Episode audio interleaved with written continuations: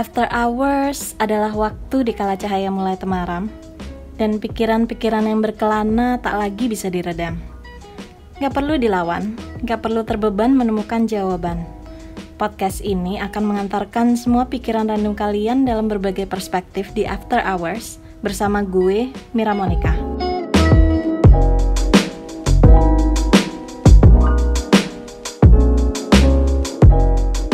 Listen to your doubt with kindness and find your wisdom with an open mind.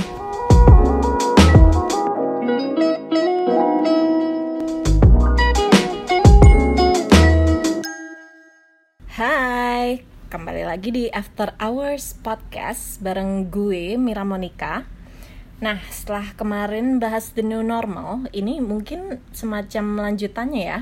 Karena the new normal itu kan melibatkan habit bebersih juga nih. Jadi harus decluttering dan sebenarnya nggak cuma sampah fisik nih yang harus decluttering, tapi sampah masa lalu tuh juga kudu dibuang nih. Jadi uh, kita kali ini mau korek-korek tentang unfinished business. Nah, paling seneng nih kalau ada bau-bau nostalgia dan korek-korek masa lalu tapi lebih asik lagi nih karena kali ini gue nggak sendirian nih ada bintang tamu yang nemenin gue korek-korek dan buang sampah masa lalu hari ini yaitu salah satu sosial velas kita Kak Revel Hadi. Halo. Hai. Apa kabar, Kak? Aku baik-baik saja selalu. Lagi sibuk apa sih belakangan ini selama di rumah aja? Selama sibuk di rumah aja kesibukan gue harusnya nih gue lagi promo kota ke kota. Oh, ini ya film terbaru lo ya? Iya perempuan bergaun merah. Cuman mungkin karena situasi juga seperti ini, jadinya gue itu promonya cuman dari online aja virtual terus juga promo by social media sih. Sedihnya gitu. Hmm, habis itu gue juga lagi sibuk. Ini kak gue lagi bikin bikin podcast juga kayak lo. Ih, mantap banget. Gue udah lihat tuh dua Iya. udah ada dua episode bukan? Iya niatnya iya betul. Niatnya gue pengen bikin podcast sebenarnya. Cuman karena temen gue yang lain kayak banci tampil mereka tuh pengen ada YouTube-nya juga. Seru-seruan aja sih ngisi waktu gitu. Nah sama satu lagi sebagai social gue juga selalu pengen uh, spread awareness terhadap orang lain semuanya khususnya karena lagi pandemi juga jadi kita tetap harus memaintain healthy body and healthy mind dan selalu menjaga otentik kita Wah, mantep banget deh, Kak. Tapi semua project-projectnya udah pada kelar kan, Kak? Atau ada yang unfinished nih, kayak topik kita hari ini? Waduh, kalau unfinished gue sebenarnya ada loh kak, unfinished project, tapi bukan bisnis. Kita mau bahas unfinished business ya? iya, bener banget. Nah, kali ini kita kayaknya pengen jembrengin nih ya, kayak eh, berbagai macam perspektif dan hal-hal yang sebenarnya mungkin butuh didengar buat teman-teman sekalian nih yang eh, mengalami unfinished business. Jadi uh, buat orang-orang yang butuh validasi gitu ya atau uh, apa mungkin kayak hal-hal justru yang nggak pengen didengar karena uh, takut menghadapi kenyataan karena kenyataan itu kejam Alfonso. Berat Tapi- ya kenyataan itu iya ya. berat kan. Tapi udah pada tahu belum sih unfinished business itu apa? Kalau menurut lu gimana kak Menurut gue, definisinya? Atau pernah punya nggak? oke, kalau menurut gue tuh unfinished business itu suatu feeling atau emotion yang belum sepenuhnya kita proses atau kita selesaikan. Hmm. Gitu, ini terjadi di masa lampau Mm-mm. terhadap seseorang atau mungkin banyak orang. Oh. Jadi kayak kesalahpahaman gitu ya istilahnya misunderstanding. Ah, ya ya ya ya ya. Nah, Ya. emosi yang kita rasain itu bisa kecewaan, bisa marah, bisa takut, atau bahkan kayak um, anxious gitu. Nah, jadi ah, ah, segala macam issues-issues yang unresolved gitu ya. Betul. Yang yang kemudian eh, gua rasa kayaknya bisa mengarah ke emotional baggage Ya, atau mm, ya irreconcilable differences tuh kalau misalnya bahasanya orang-orang yang sering dipakai gitu ya. Mhm. Eh, bentuknya pun kayaknya bisa macem-macem ya.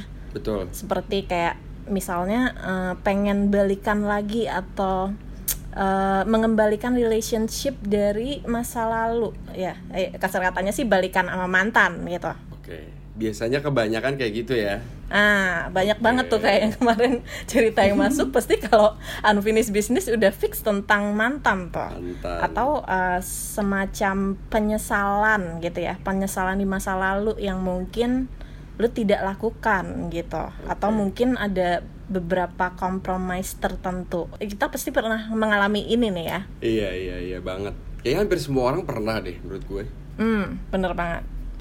Emang kedengarannya sih sepele ya, tapi uh, unfinished business ini kayaknya kalau dibiarin lama kelamaan efeknya tuh gaswat juga nih. Bisa bikin orang psychoji nih karena nggak kelar-kelar, karena ngentang, bikin penasaran, ya nggak sih kak? Bener banget, apalagi kita selalu kayak mikirin what if gitu, selalu what if, tapi sebenarnya nggak sesuai sama kejadian yang kita rasain gitu. Iya, iya. Dan biasanya kalau manusia cenderung kayak bikin skenario sendiri, Hmm. itu malah lu jadi stuck sama pikiran lo. Eh, bener nggak banget, sih? kecanduan gitu ya. Iya, padahal kalau lu eh, maksudnya kayak lu tuh bener-bener ngikutin dan lu ngomong utarin apa yang lu rasain, harusnya sih nggak Iya, serumit iya. itu. Iya benar. Iya kan? Tiba-tiba lu udah obses aja. jadi nggak bisa move on Nah. terus kayak tiba-tiba welcome back tuh lubang comberan yang sama kan untuk kesekian kalinya ya kan Betul, betul, nah betul. cuman betul. kayaknya ada juga nih yang dampak unfinished business yang uh, sebenarnya agak berasa nyaman because you don't really want deal with the fact and reality juga jadi emang sengaja dibiarin nggak jelas dan takut menerima kenyataan gitu tuh Hmm, banyak banget tuh yang kayak gitu. termasuk lo juga nggak nih Iya parah. biasanya dari awalnya tuh juga mulainya udah kagak jelas, bingung kapan mulainya, berakhirnya juga gantung. Jadi Hmm. ibarat pintu tuh dibiarin kebuka aja tuh, kayak buat jaga-jaga. Siapa tahu kalau balik-balik jalannya eh masih lapang nih. Jadi Hmm. emang dibiarin nggak ada closure-nya tuh. Cuman eh, biasanya yang kayak gini-gini tuh ujungnya jadi ada penyesalan karena ada sesuatu yang lama terpendam tuh kak. Oke. Nah, biar nggak tersirat-tersirat mulu nih, kayaknya kita enakan bahas unfinished business tuh langsung pakai contoh kasus ya kan kak? Betul, langsung pakai contoh, benar. Nah, kita eh, bacain cerita teman-teman dulu kali ya yang udah eh, submit di eh, story Beauty Journal kemarin Betul, nih. ya udah nggak sabar pengen kita kasih apa ya? Kita kasih opini gitu. Validasi. Betul.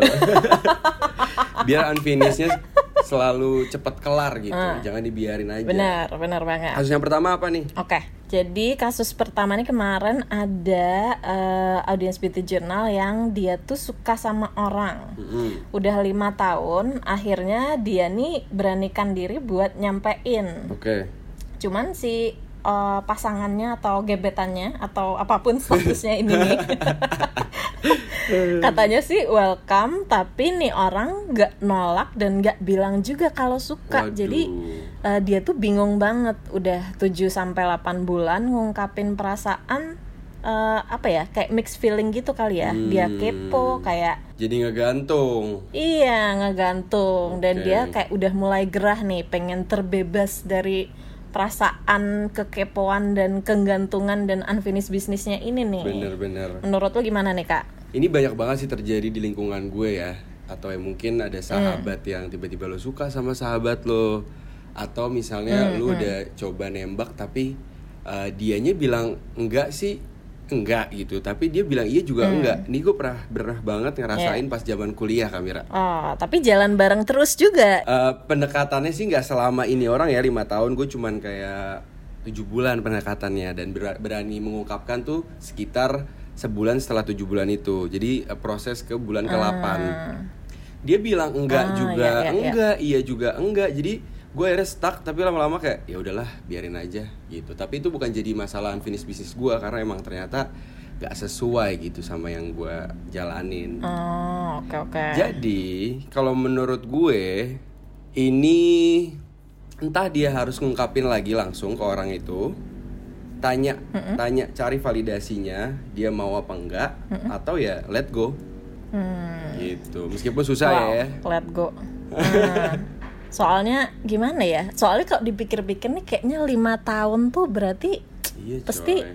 udah kebayangkan sebesar apa perasaannya dia gitu loh. Betul, betul, betul, betul. Ini dia temen atau Iya kan? apa sih? Emang sahabatnya atau emang suka sama nih orang nih orang udah punya pacar lagi ini kita nggak tahu ya Nah, Nah sebenarnya kemarin dia tuh sempet sharing sedikit lagi. Jadi Mm-mm. eh, ini kayaknya temennya dia, cuman selama lima tahun ini sebenarnya dia juga apa ya bukannya terpaku doang sama orang ini juga. Jadi Oh. pernah deket sama orang lain juga tuh kak. Cuman ya Waduh. balik lagi balik lagi gitu karena mungkin hatinya sama orang ini gitu ya Ah, benar. Tapi giliran dia udah mengumpulkan keberanian nih, cuman kayak pas ngomong loh kok digantungin juga. Gak Jadi, sesuai ekspektasi ternyata menurut lo gimana eh, agak jiper juga. Iya, kayaknya kalau gua jadi dia sih, gua akan menanyakan kembali sih eh, dengan lebih jelas lagi ya. Jadi gua nggak akan pakai strategi sama seperti yang waktu gua pertama kali ngungkapin gitu.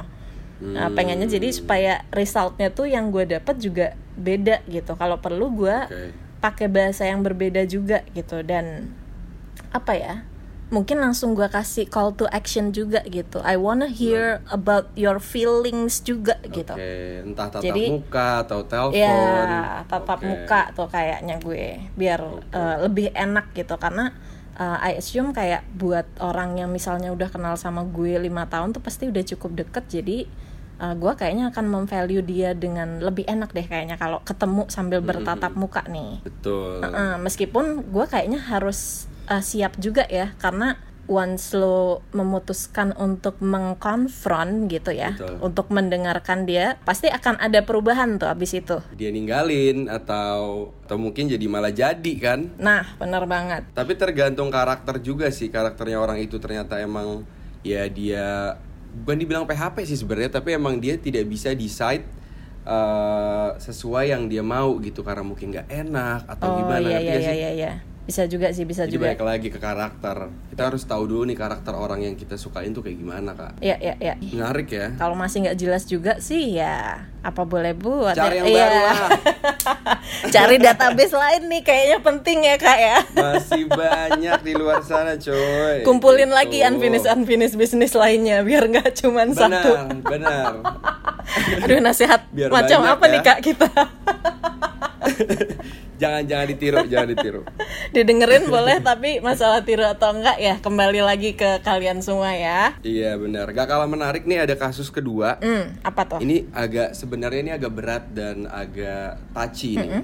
Maksudnya touchy-nya itu feelings kita karena di sini ada satu eh, audiens dari BJ kita bilang dia itu ada penyesalan karena dia nggak bisa menemani nyokapnya saat-saat terakhirnya. Aduh, sedih banget. Sedih banget sih, sedih banget sih. Ini sih kayaknya tipikal unfinished business yang bakalan lumayan sulit dan lama dan forever ya. Betul, karena emang eh, kalau kita mikirin eh, apa yang kita telah perbuat selama ini buat orang tua kan kayaknya nggak akan pernah cukup gitu. Hmm, hmm, bener sih. Apalagi orang tua ke kita limitless gitu love-nya. Hmm, hmm. Jadi menurut gua kalau gue di posisi dia adalah eh, set mindset kalau lu itu sudah memberikan yang terbaik ke nyokap lo, apa pun yang terjadi. Setuju. Dan misalnya ada situasi atau kejadian yang menurut lo itu ngeganjel di hati, eh, lo balikin dan pasrahkan ke Tuhan yang Maha Esa. Wah, tiba-tiba religius ya le. Iya. Betul, karena karena mau kita sampai kapan pun ngerasa nyesel juga nggak akan uh, solve gitu problemsnya. Selain kita berserah diri aja gitu. Intinya lo udah menjalankan yang terbaik, lo udah memberikan semaksimal mungkin. Uh, dan semoga uh, almarhum nyokap kita di sana juga tenang gitu. Itu yang Ya, terbaik ya. menurut gue. Kalau kayaknya lo? juga setuju sih. Cuman sebenarnya gue ada pertanyaan lanjutan. Cuman sayangnya kemarin si orang ini nggak memberikan detailnya tuh.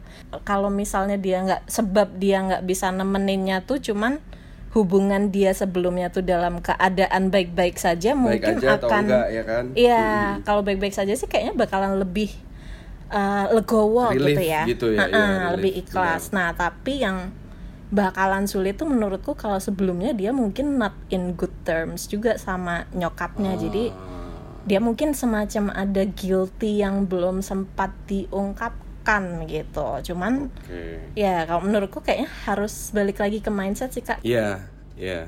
mungkin coba dibalik ya point of view-nya kayak gua rasa Betul. nyokapnya juga mungkin akan sedih kalau lihat dia itu begini terus gitu Benar, Nggak benar, benar. move on dan segala macem ya in a way gue yakin kalau nyokapnya masih ada pun mungkin dia juga bisa bilang bahwa hey it's okay gitu Betul. It's Apalagi okay, orang tua nak. pastinya Heeh. selalu menerima anaknya sih. Bener banget. Pokoknya kalau misal kalian nggak di good terms pas ditinggalin itu kalian coba membuka perspektif baru dari sisi positifnya aja dari hal itu gitu. Jangan biarkan Ya. kalian terus mendalam di kesedihan atau penyesalan itu sih. ya ya Gitu. sama yang eh, mungkin bisa membantu sih yang penting kirim doa juga kali ya supaya Benar. lebih lega gitu ya wah tiba-tiba kita berdua jadi religius nih Iya, religius banget kita ya. Tapi memang paling paling cara paling jitu itu gitu. Hmm, Karena kalau misalnya lu tetap tetap penyesalan terus nggak kelar-kelar eh maksudnya hal lain itu terbengkalai gitu passion lu juga nggak bisa lu jalanin atau Benar. hubungan lu sama orang terdekat juga malah jadi sulit gitu karena ya itu sih menurutku ini semacam kayak beban emosional yang kalau dibawa terus ya menurut gue juga akan lebih damaging elu daripada membantu Benar. elo menjalani hidup ini Jadi- gitu. jadi harus semangat dan selalu positif ingat kamu nggak sendiri Ya, benar. Dan ingat bahwa I'm sure your mom will forgive you and accept you the way you are. pasti pastinya Oke, kita move on ke kasus ketiga nih ya. oke Ini ada yang eh, terjebak sama emotional unavailable person karena masa kecilnya selalu crave attention. waduh Ya, berat juga ya sebenarnya. Ya, Jadi kalau emotional unavailable tuh tipikal orang yang kayaknya dia tuh selalu membatasi diri gitu. Jadi dia mungkin takut kecewa dan lebih seneng uh, melakukan hal-hal sendiri di dunianya sendiri gitu. Jadi uh, apa ya bawaannya kayaknya selalu hold back tuh. Lu pernah uh, punya kasus kayak gitu nggak? Atau punya teman kayak gue gitu nggak? pernah punya teman yang kayak gitu mungkin ada eh, dia tuh pernah punya trauma masa kecil di mana mungkin hubungan orang tuanya tidak baik dari kasus perceraian Hmm, atau mungkin perkelahian di antara orang tua tapi tidak selesai selesai selesai itu yang ngebuat dia itu tidak membuka diri. Hmm, hmm, hmm, hmm, hmm. sangat-sangat tertutup dan trauma untuk eh, membuka diri kak. Jadi dia tuh kebanyakan eh, Ya. apa yang kita apa yang dia rasain itu kita nggak pernah tahu. Jadi kita selalu menebak menebak menebak gitu. Hmm, ya, ya, ini ya. orang ini kayak gimana sih gitu. Jadinya jadinya lebih ke salah persepsi di kitanya. Kemauan dia seperti ini tapi kemauan kita seperti itu gitu. Oh, oke oke. Sebenarnya sih kalau gue ngerasa juga dulu kayaknya gue pernah punya uh, ada momen di mana gue sendiri tuh juga mengalami aspek itu tuh. Kayak misalnya kayak being emotional unavailable gitu. Aha.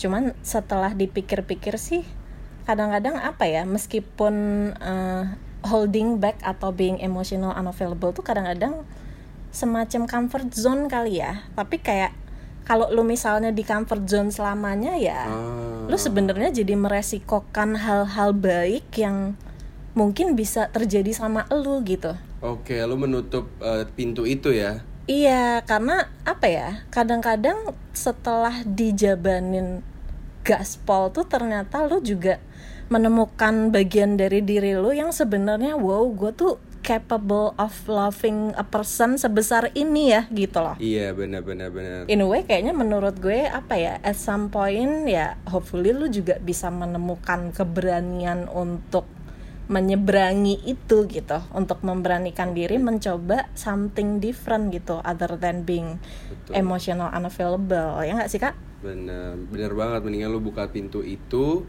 karena kalau lu sekali lu buka pintu itu ternyata hasilnya em, positif lu tuh nggak pernah tahu gitu Iya. maksud gue gini kalau misalnya lu nggak pernah buka kapan lu taunya kalau misalnya ada banyak Benar. chance ada banyak eh, pintu yang lu bisa buka Bener Nah, banget. dari sekarang mulai beraniin diri aja karena di luar sana pasti banyak banget hal positif dan hal baik yang bisa lu terima jangan lu tutup kesempatan itu Setuju.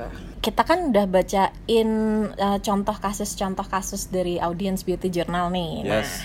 sekarang kayaknya saatnya kita sharing nih. Gue pingin denger nih kak. Lu kan tadi bilang lu juga punya beberapa kasus unfinished business nih dalam hidup lo. Bener. Mungkin boleh lu ceritain gak kak? Boleh. Jadi dari beberapa kasus itu ternyata gue ngerasa ini tuh eh, menuju satu kasus besar yang mana from what I experience itu tuh gue dididik untuk please everyone first gitu.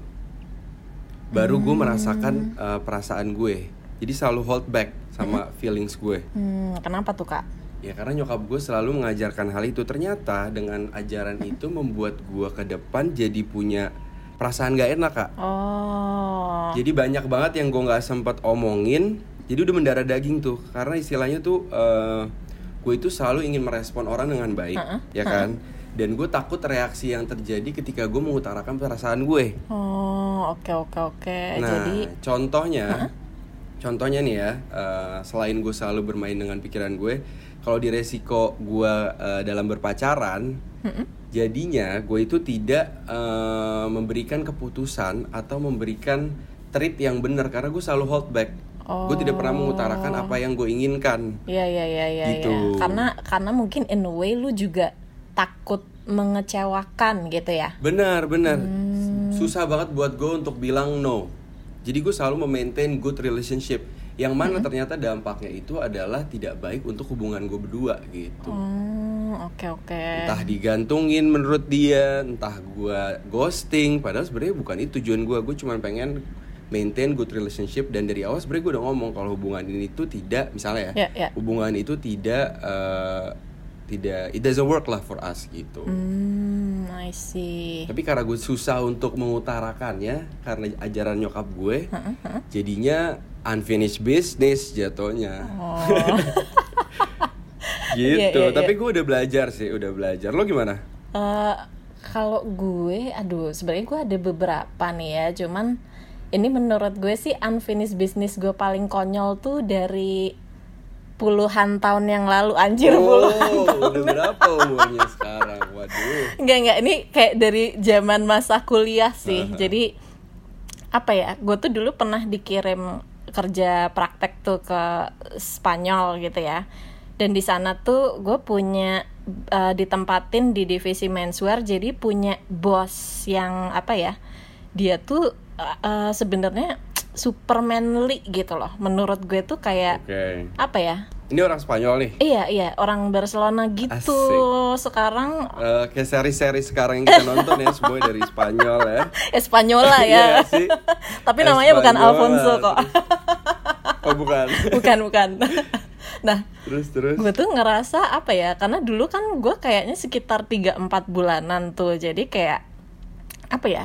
Hubungan yang terdevelop waktu dulu tuh lumayan banyak gitu. Karena gue sama dia tuh lumayan kompak gitu ya dari mulai language barrier tapi kita sama-sama janjian gitu. Kayak gue ngajarin dia bahasa Inggris dan dia ngajarin gue bahasa Spanyol gitu. Terus kayak sehari harinya tuh apa ya dia sebenarnya sejujurnya ya. Padahal padahal ini kasusnya maksudnya ini eh, tentang lu yang di pekerjaan kan. Maksudnya ini cuma hubungan antara bos sama bawahan. nah Tapi sebenarnya ada ada ada Ya, feeling yang itu dia di situ.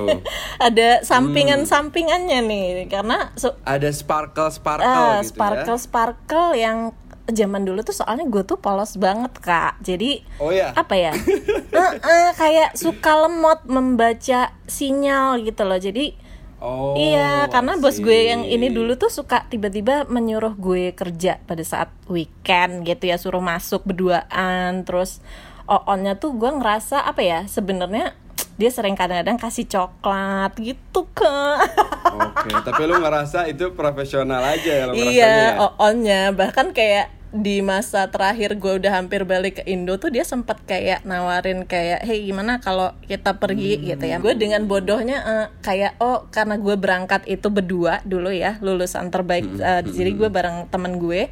Jadi gue ngerasa nggak enak dengan temen gue ini kalau harus sendirian tuh jadi Oke. gue tolak. Nah itu kayaknya penyesalan terbesar Penyesalan gue. terbesar ya. Sangat konyol Iya. ya. Cuma sangat emang- konyol Aduh. karena apa ya dan lucunya gue tuh setelah berapa tahun menemukan dia kembali gitu ya sampai sekarang sebenarnya hubungannya masih baik gitu ya kita masih uh, beberapa kali uh, kontakan atau message messagean cuman ya dia udah punya tunangan dan sudah punya anak Aduh, jadi sayang banget. Coba saat Gua itu hanya- lu udah bisa membaca reaksi dan sinyal-sinyal itu ya. Mungkin kejadiannya Nah. lu udah tinggal di sana, gue nggak nggak pernah ketemu lo dong gue. itu dia aduh Jangan deh kalau gitu nggak apa-apa deh finish bisnis aja ya. Iya kan? Tapi makanya gue akhirnya jadi hidup dengan banyak what if what if itu sampai sekarang Iya kak sih, jadi ngentang kan. berimajinasi ya.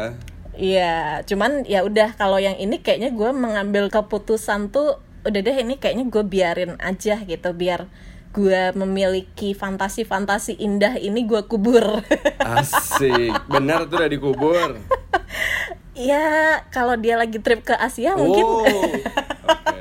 gue bisa bisa kilaf cuman ya sudahlah itu kita bicarakan nanti ya. Baik, gue jadi pengen tahu gimana cara lu uh, deal sama unfinished bisnisnya lu. Nah, sebenarnya nih ada beberapa cara nih Kak menurut gue. Jadi first thing first kayaknya harus refleksi diri dulu nih.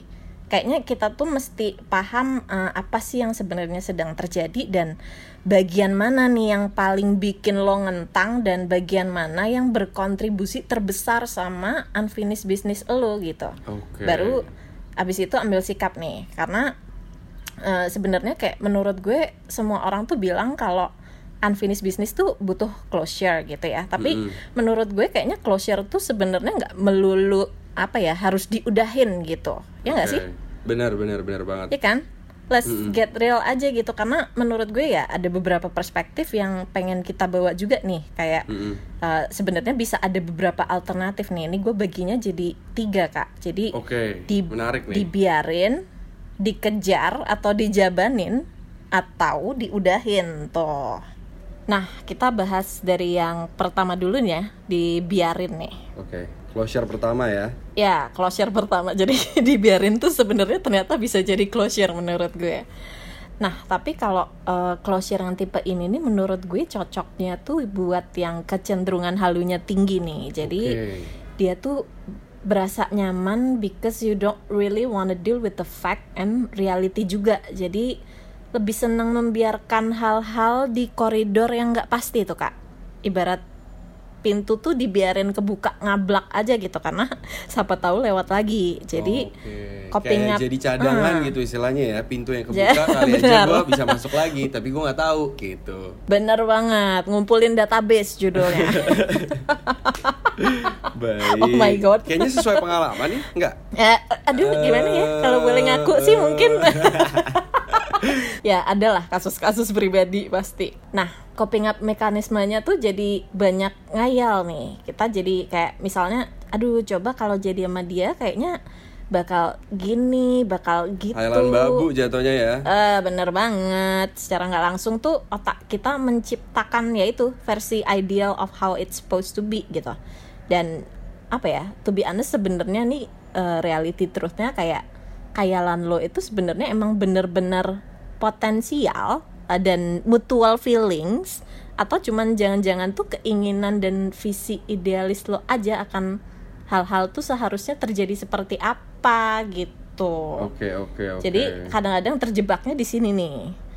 Basically Hmm. lu nggak punya cukup keberanian juga buat do some action untuk mengubah situasi. Jadi karena ya sebenarnya at this point kayak nggak ada jaminan juga kan kalau dijabanin beneran bakal terjadi nih kayak yang di versi otak lo. Oke, tapi lu juga takut kalau misalnya lu eh, ngelakuin itu ternyata nggak sesuai sama realitanya. Ah, benar. Jadi Gitu. eh, ya balik lagi kayak yang lu bilang tadi sih Kak, kita pasti di Hmm. fase ini tuh bakalan obses dulu sampai Mhm. akhirnya tuh bosan sendiri atau ya interval relapse-nya tuh berkurang sedikit demi sedikit. Jadi buset nih relapse kayak kecanduan alkohol ya. Waduh, waduh, eh, saya relate nggak ya? Eh, baik, baik. Padahal lagi ngomongin unfinished business ya. iya ya ke mana-mana ya, tapi emang relate sih. Ya, Bener, ini bener, bener. kayaknya kuncinya sih eh, untuk yang dibiarin ini harus buat orang-orang yang sabar dan kuat nih buat menerima hidup dengan what if what if di otak lo. Cuman ya however kayaknya kasih waktu aja buat evolve sendiri and you need to trust the process. Jadi buat orang yang suka ngayal, suka berimajinasi dan kuat, ya silahkan, monggo Ya, dibiarkan. silahkan, Tapi kalau tidak kuat, benar. nah cara yang paling ampuh adalah eh, dikejar lagi. Ini Wah, adalah ini kayaknya apa? Bicara pengalaman pribadi Waduh, juga nih. Enggak sih, gue. Cuman menurut gue eh, salah satu cara jitu untuk menyelesaikan unfinished business lo, gitu. Jadi gue dapet cerita dari temen gue. Dia itu dapat judgement sosial kalau dikatain on misalnya nih dia ngejar unfinished bisnisnya dia gitu dia takut dijudge sama reaksi aduh. itu gitu padahal menurut gue sih nggak salah juga gitu loh karena buat buat gue nih orang-orang yang tipe ini itu lebih eh, kentang kalau misalnya unfinished business itu lo tuh didiemin atau diudahin jadi mendingan lo kejar Ya, ya. Kalau ini kayaknya tipe yang pengen action pokoknya ya. bener mau mau menerima atau enggak kenyataannya gue gaspol dulu deh gitu Ya, ya. Ini tapi balik lagi eh, biasanya sih sama mantan nih kayak gini nih. Ah, Tapi jangan salah kalau mantan lo udah punya pacar, jangan lah ya, jangan jadi perusak lah istilahnya. tapi kalau ternyata sebenarnya itu jodohnya gimana dong kak? Hmm. Mari kita tanyakan di doa-doa kita yang sampaikan terhadap ya Tuhan yang Maha Esa aja ya kak. Karena kita tidak bisa menjawab itu, bukan? Iya gak sih? ya benar juga sih. Jadi meskipun sebenarnya tuh eh, mereka tuh diem-diem, gue yakin di dalam hatinya mereka tuh mereka tahu sebenarnya kalau mereka jabanin tuh hasilnya kayak apa. Jadi orang-orang yang tipe closernya seperti ini menurut gue dia harus siap dengan disappointment, kekecewaan. Hmm, ya, ya. gue nggak ngomong ya kalau misalnya kalau dikejar lagi pasti bakal kecewa. Cuman either lu kecewa atau lu sesu- eh, suka dengan hasilnya kak. Jadi kalau misal lu siap ya go for it. Tapi hmm, ya kayak ini ada kasus kontroversial versi lainnya nih kayak misalnya eh, ngejar orang apa ya be- sehubungan dengan yang mantan tadi ya ngejar orang yang beda agama atau suka Aduh. sama aduh langsung aduhnya Aduh. apakah apakah ceritakan ceritakan tumpahkan Aduh. Jadi gue pernah eh, pacaran beda agama dan kebetulan pacaran beda agama gue ini plus LDR pula. ya ampun kak Dia di Gila, Belanda. itu Dia di Belanda, gue di sini. cobaannya berat sekali kak Bener banget. Jadi gue ketemu di Bali, terus eh, tiba-tiba dia karena kita ketemu dan kita ya lumayan klik, klik sih menurut gue. Akhirnya dia magang di Indo. hmm terus terus nah terus kita menjalani lah proses uh, pacaran itu tapi lama-lama kayak uh, beda agama juga kan coy gak mungkin juga gue dari keluarga yang sangat-sangat um, Islami Islamnya ya. kental Nah. gitu dan dia Kristiani gitu Aduh. jadi agak sulit cuman cuman emang banyak banget sih menurut gue case beda agama ini yang pengen orang tetap la- lanjutkan tapi bingung gitu. Ini arahnya ke mana sih? Ya ya gitu. Aduh ini sebenarnya tapi gue tapi gue nggak unfinished business ya. Gue kelar. Oh, kali, kali ini kelar yang ini ya. Kali ini kelar betul. Nah, tapi kalau kasus yang lebih kontroversial lagi tuh misalnya lo ngejar lagi eh, karena suka sama orang yang udah ada pasangannya nih, Kak. Waduh, berat ya. Nah, nah teriris-iris nih kan karena secara konstruksi sosial lo tuh ngejar orang yang udah punya pasangan aja tuh udah salah gitu kan. Bener, salah banget. Hmm, but you'll never know kan sebenarnya jodoh lo tuh yang mana. Bahkan meskipun lo udah married, kalau lo masih happy ya Hmm. mungkin itu berarti jodoh lo. Benar. Kalau misalnya nggak happy ya you need to do something gitu. Ini kayaknya ada pengalaman dari lo apa dari siapa sih nih kejadian ini? Eh, iya, gue punya temen nih sebenarnya. Oh, lu punya temen teman? ya. Ah, temen Eh, ya. Catat-catat punya teman. Oke. Bukan lo sebagai teman ini bukan kan? Ih, Jangan. itu kita bahas di sesi lainnya aja kak. Oke, boleh ada lanjutannya ya. Ada lanjutannya. Nah, jadi gue mau cerita dulu tentang teman gue ini ya. Sebutlah si A ya. Ya, jadi eh, si A ini, jadi teman gue ini yang si cowoknya ya. Oke. Si A ini dia tuh waktu awal dia suka sama seorang cewek yang sudah berkeluarga gitu dan sudah punya anak juga. Hmm. Nah, pada waktu itu sih memang sebenarnya si cewek ini tuh sudah not in good terms gitu perkawinannya. Jadi Oke. ya si teman gue tuh memang sempat galau-galau gimana, cuman akhirnya dijabanin lah sama dia dan akhirnya si ceweknya eh, ketika udah divorce eh, si teman gue ini Hmm. akhirnya married lah sama si cewek ini dan sebenarnya sampai Oke. sekarang pun kalau dilihat tuh mereka malah happily ever after gitu kak. Jadi Oke. Nah, balik lagi kayak please tapi teman-teman highlight ya, ini bukan anjuran atau validasi jadi pelakor atau apa pun itu, tapi Benar. nah, tolong yang digarisbawahi adalah proses dan effort lo untuk menemukan closure. Kalau lu sekarang tuh Benar. misalnya udah ngerasa nggak happy dengan situ situasi sekarang ya you need to do something gitu benar kita harus punya perspektif kalau misalnya orang ketiga itu kalau kita lihat lebih detail mm-hmm. dan kita lihat proses sebenarnya itu uh, kita lebih memahami itu gitu yeah. ternyata itu jodoh kita meskipun uh, proses yang kita alami itu lama kita nungguin dia kelar dulu sama hubungannya atau mungkin uh, intinya masuknya nggak boleh salah banget gitu ya. Yeah, harus hati hati-hati. Harus hati-hati prosesnya. Daripada dia tetap menjalani toxic relationship bersama pasangannya ya. ya happynya sama kita siapa hmm. yang tahu ya benar, kan? Benar oke lanjut ke yang ketiga nih ya kak. Oke ini kayaknya gue lebih bisa lebih menjelaskan ya kak. Karena ini proses uh, closure yang kita udah menjalankan tahapan yang dua tadi. Ah benar-benar kita udah ngejalanin dibiarin udah terus dikejar juga udah. Nah ini yang terakhir. Bener-bener uh, kita sudahkan. Diudahin gitu ya kak? Diudahin udah dikelarin gitu ya? pokoknya. Betul bener lelah banget. Intinya nih udah kelelahan lah udah capek membatin udah semuanya dilakuin. Ternyata emang ya udahlah gue udahin lah. Gue dealing sama diri gue sendiri. Kalau ini udah bener-bener kelar gitu. Meskipun mungkin ada orang yang uh, orang-orang yang langsung bisa mengambil keputusan mengudahi si unfinished bisnisnya tapi ada juga yang belum mencicipi tahapan yang dua di atas mereka sudah langsung mengudahkan gitu. Ini bisa banget buat orang-orang yang uh, gak mau ribet bukan gak mau ribet sih gak mau banyak hmm, gak mau banyak cara atau gak mau banyak uh, hal yang mereka takutin. Jadi langsung kayak ya udah ini udah keputusan yang terbaik gue rasa gue langsung udahin. Main cepet gitu yeah. istilahnya. langsung tutup gitu ya bukan multitask langsung tutup. Ah, bukan multitasking gitu ya nggak mau membiarkan bukan banyak pintu terbuka sebelum membuka pintu yang baru gitu ya. Bener bener. Lebih tepatnya dia nggak mau nggak mau ini sih dia nggak mau dia nggak mau ribet dengan segala uh, emosi atau feeling yang bakal muncul ketika mereka buka itu gitu. kayaknya dia pasti fokus utamanya tuh lebih pengen move on aja gitu ya kak Iya, kayak ini orang-orang yang ngejar karir deh, Kak. Uh, gitu ya. Langsung jelek. ini maksud Kayaknya ya, siapa Kak? Tebak-tebakan. Tebak-tebakan doang nih. Apakah Anda merasa uh, relate ter apa gimana nih? Tertancap ya. Secara tidak Posisi sengaja merasa gitu. tertancap. Gitu. iya, iya.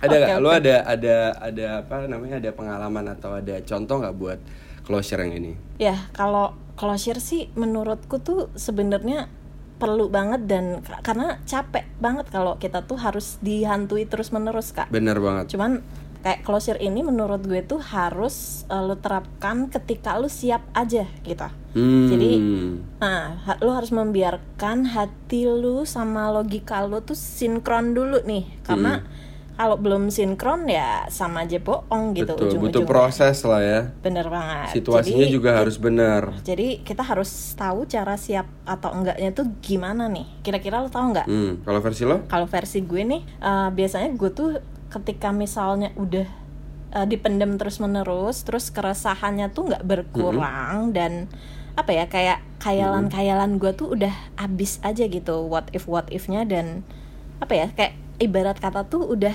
imajinatifnya udah makin menipis. Jadi gue pasti udah langsung nggak akan melihat ke belakang ah. lagi terus hajar gitu. Pengen tutup aja udah tutup. Sama Oke, sih. kelar gitu. Sama sih sama kayak gue gue juga gue lihat dulu situasinya ini baik apa enggak apakah tepat untuk gue mengatakan atau bu bahkan gue kayak ya udah biarin aja toh mereka udah sepertinya gue ngeliatnya move on tapi gue nggak tahu kalau gue nggak nyoba gitu. Kalau misalnya gue coba dan gue udah siap gue akan katakan hmm, hmm. gitu. Tapi closure-nya nih harus beneran loh ya. Beneran. Jangan dalih da, jangan dalih atau excuse aja Bener. buat ngobrol lagi dan memanggil masa lalu nih. Nah, itu tuh takutnya takutnya malah jadi kayak gitu ya. Bener-bener harus kelar, jangan sampai ada yang ngentang gitu atau mungkin cuman uh. pengen kesempatan lo aja karena lu masih buka pintu itu ternyata. Jangan kayak gitu. Menurut gue sih kayak paling ampuh tuh biasanya gue pakai tiga kata nih kak. Jadi either thank you, I'm sorry, atau goodbye. Asik.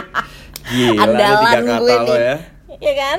Iya kan? Bener, Bisa pilih dan elaborate aja menurut kasus kalian masing-masing nih. Jadi kalau cara atau metodenya sendiri gue ada beberapa alternatif nih hmm. biasanya. Hmm.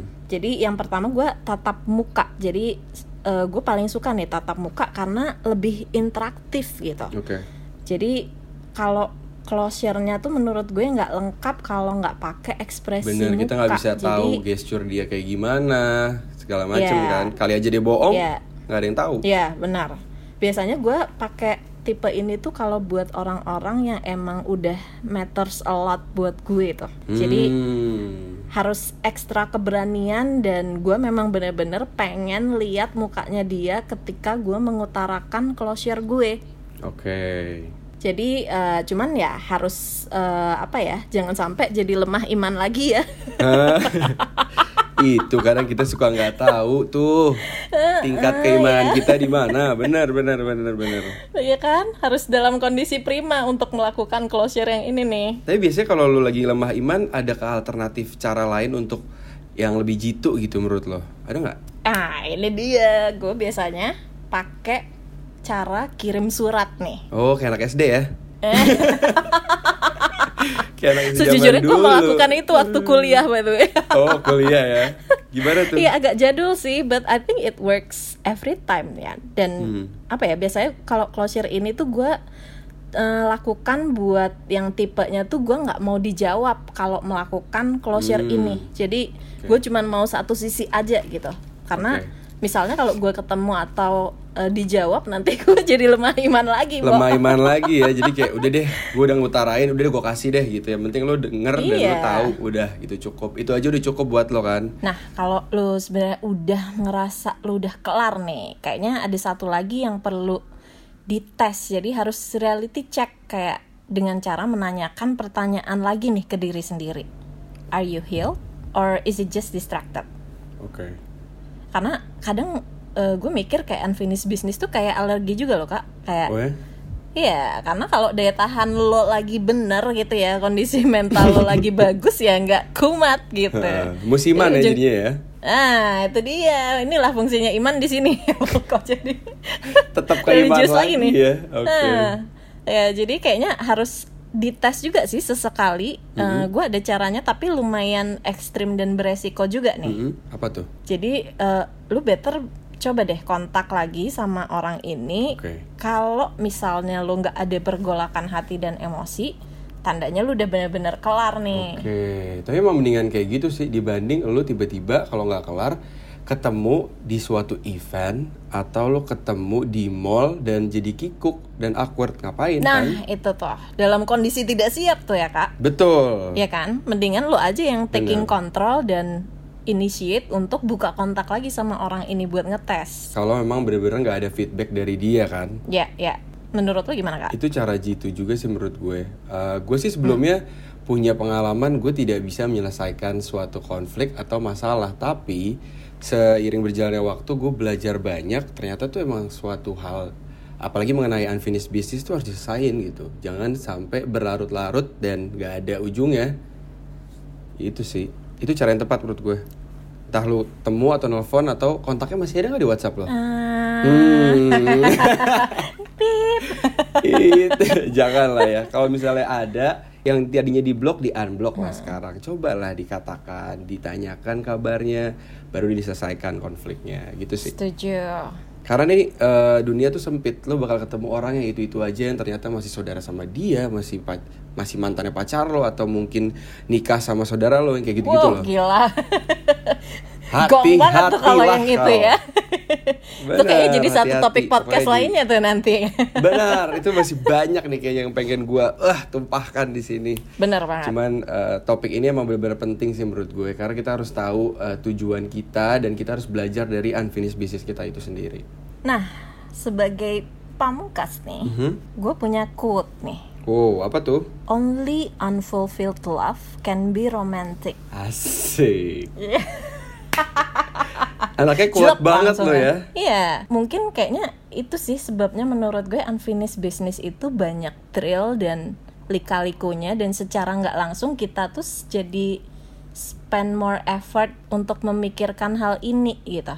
Oke. Some things might be better left unsaid dan kadang memang sebaiknya kalau judulnya unfinished business ya emang harus dibiarin unfinished forever gitu kak Wow, ini dalam banget ya. Tapi setuju sih gue. Tapi gue juga punya satu quote juga menurut gue. Ini penting. There is no win or lose. There's only win or learn. wah Jadi, mantap gak tuh? mantep banget sih ini langsung pada sasaran Betul. Jadi menurut gue nggak ada tuh kekalahan atau kemenangan satu pihak. Karena kemenangan atau kekalahan itu tidak menjamin kita bisa move on atau bahkan bisa membuat diri kita menjadi lebih baik. Contohnya gini, mungkin kita merasa menang dengan kejadian itu, tapi ternyata dampak dari kejadian itu atau situasi itu membuat kita malah jadi stuck ke depan dan nggak bisa eh, nggak bisa men- menjalin hubungan kita ke orang lain yang baru dengan baik kan. hmm, benar-benar Gitu. Jadi nggak ada deh tuh namanya kalah menang nggak ada sama aja. hmm, super thoughtful deh nih quote-nya Mantap. Oke, jadi yang udah kita bahas tadi, semoga bisa put things into perspective ya. Yes. I guess in life juga eh, pasti prakteknya tuh nggak segampang teorinya deh. Bener, bener Banyak banget. relapse, banyak kilaf, udah di finish juga kadang-kadang bisa balik lagi Betul. unfinished. Intinya ya kan? kalau jatuh bangun lagi, jangan mudah menyerah. Betul sekali. But it's your decision and your choice juga. Jadi you have to find the courage to make your own closure. Mantap. Versi kamu sendiri nih. Betul. Dan yang paling penting itu adalah yang possible untuk lu lakukan. Jadi kejadian gitu. Mhm. Ya I think in a way hidup juga bakal jalan-jalan aja sih Iya, ya kan. masih panjang hidup, tenang aja. Ah, benar sekali. Ah, yang punya unfinished business jangan sampai stuck aja. Benar. Jadi some people mungkin ada yang bisa lebih handle kenyataan dengan membiarkan banyak pintu terbuka dalam menjalani hidup dan ada juga yang better tutup pintu dulu baru bisa buka pintu baru lainnya. Mm-mm. But it's your decision to make. One thing for sure, you need to do something and move on to your version of happiness. Wow. Penting banget nih. Pelajaran banget buat gue juga loh. Thanks loh, Kamira. Thank you banget karena udah nemenin discuss tentang unfinished business yang super seru ini. Betul. Semoga eh, pengalaman kita bisa menjadi contoh yang baik buat yang lain. Diambil positifnya ya, guys. Bener banget. Sekian podcast episode kali ini. Terima kasih Kak Reval Hadi Terima udah kasih. sharing bersama After Hours Beauty Journal. Yes, makasih juga Kamira. See you next time. See you.